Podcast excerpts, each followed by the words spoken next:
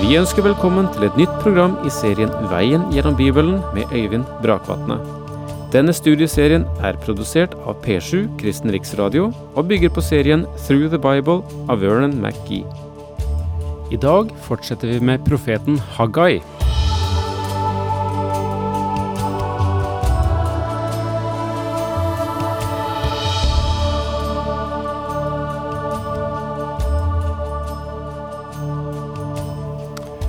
I dag skal vi avslutte gjennomgåelsen av eh, profeten Haggai.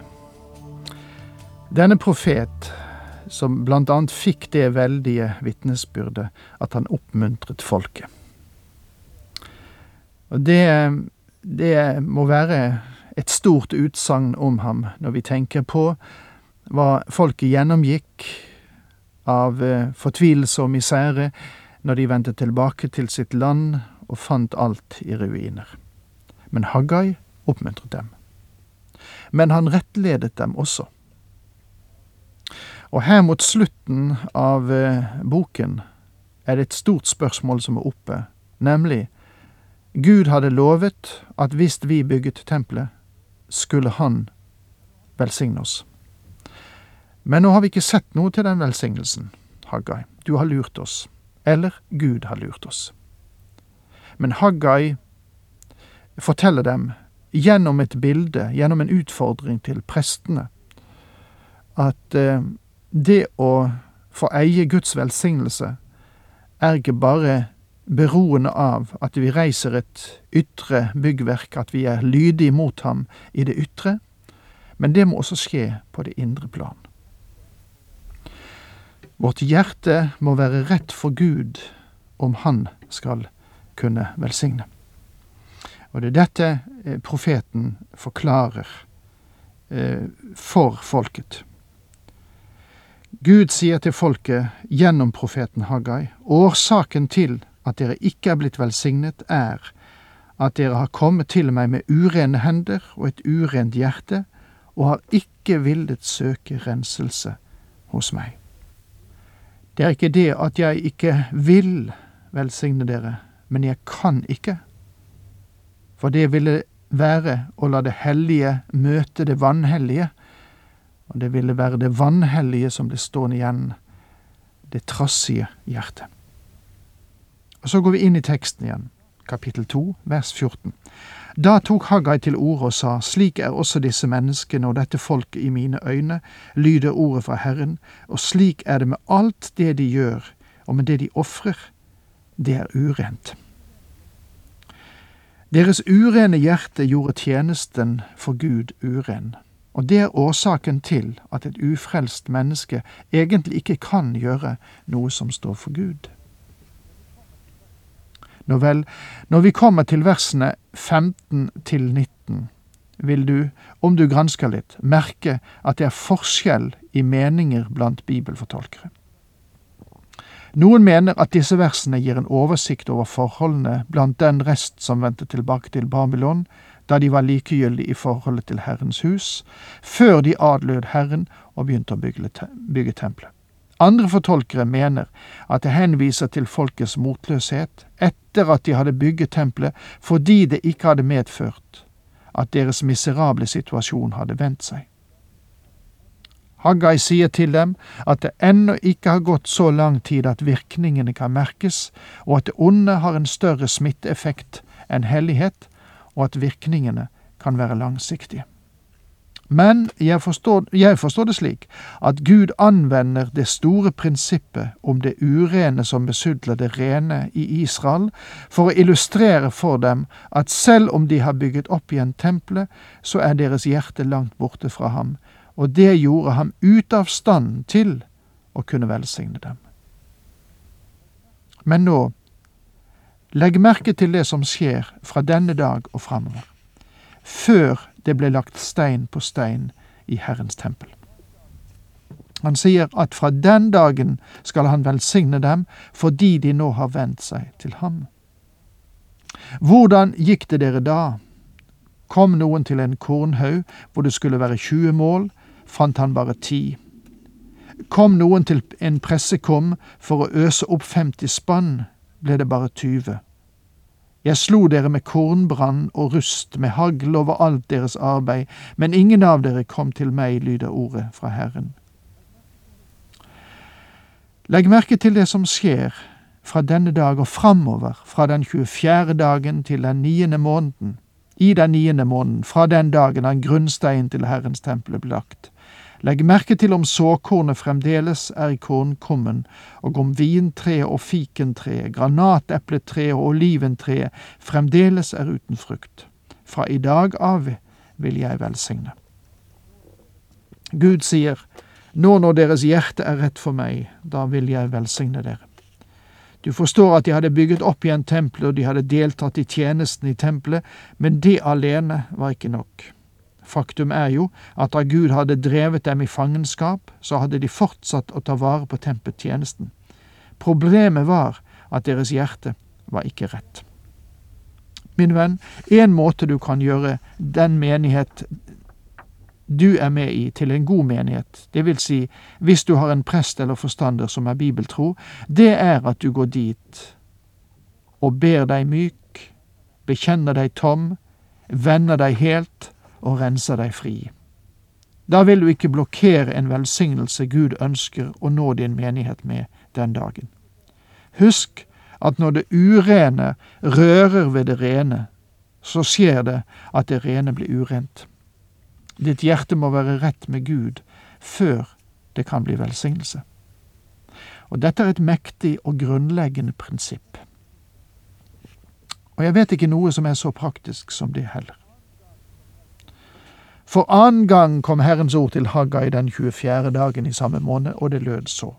Den 24. dagen i den niende måneden er samme dag som han mottok det foregående budskapet, nemlig den 24. desember.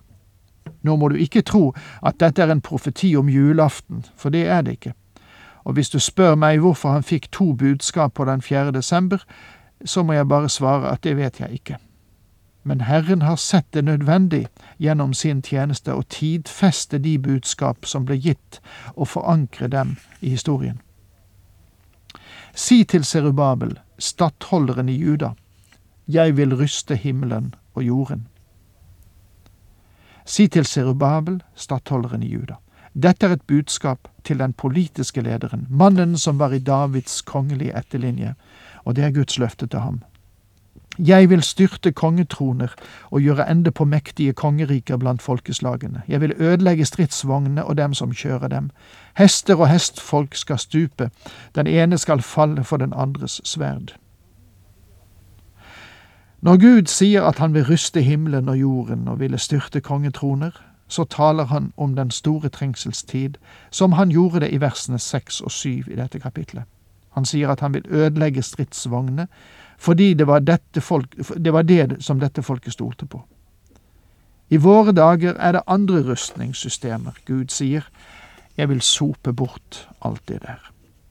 På den dagen lyder ordet fra Herren, allherrs Gud, vil jeg ta deg, Serubabel Sjaltiels sønn, min tjener, lyder ordet fra Herren, og gjøre deg til en signet ring, for deg har jeg utvalgt, lyder ordet fra Herren, allherrs Gud.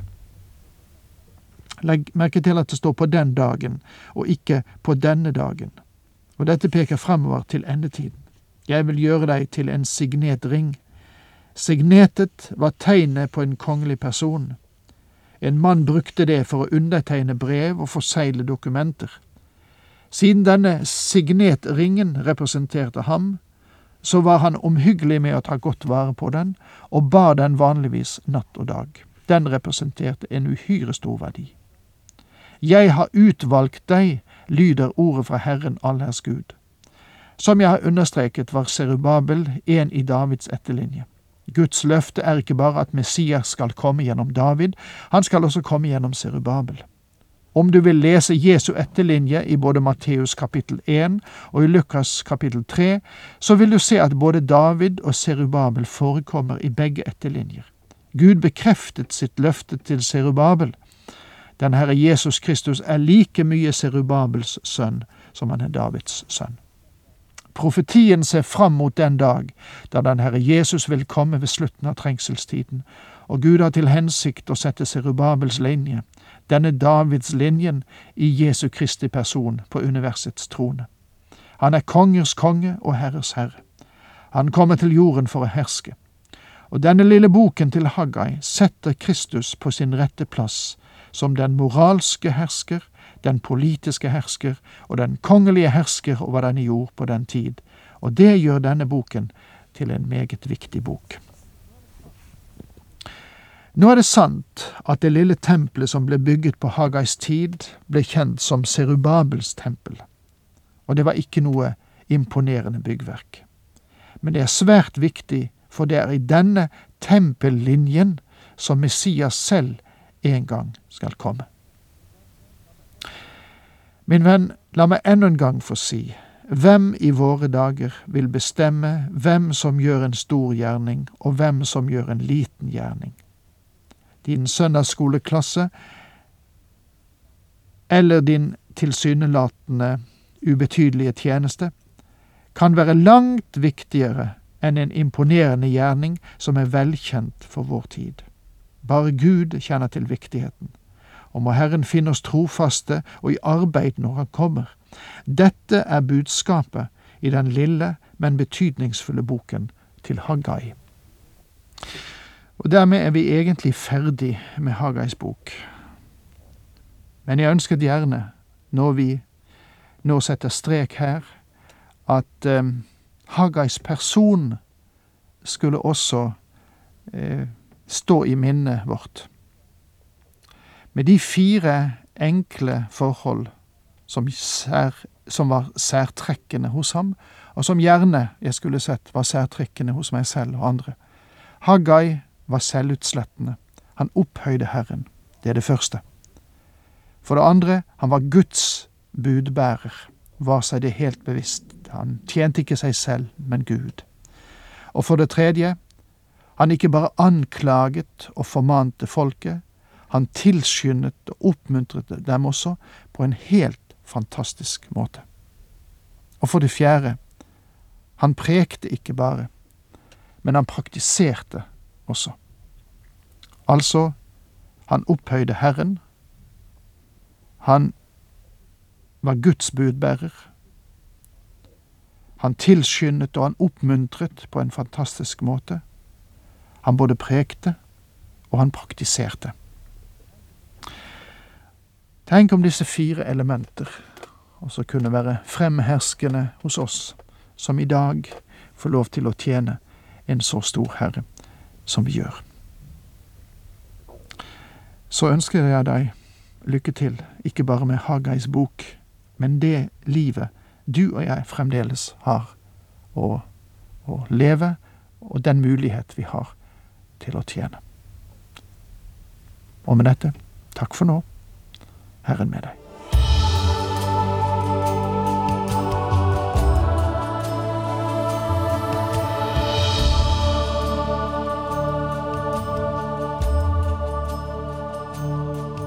Du hørte Øyvind Brakvatne i studieserien Veien gjennom Bibelen. Serien bygger på et manus av Vern McGee. Har du spørsmål eller kommentarer til programmet, kan du sende en e-post til vgb krøllalfa p7.no. Takk for i dag, og på gjenhør.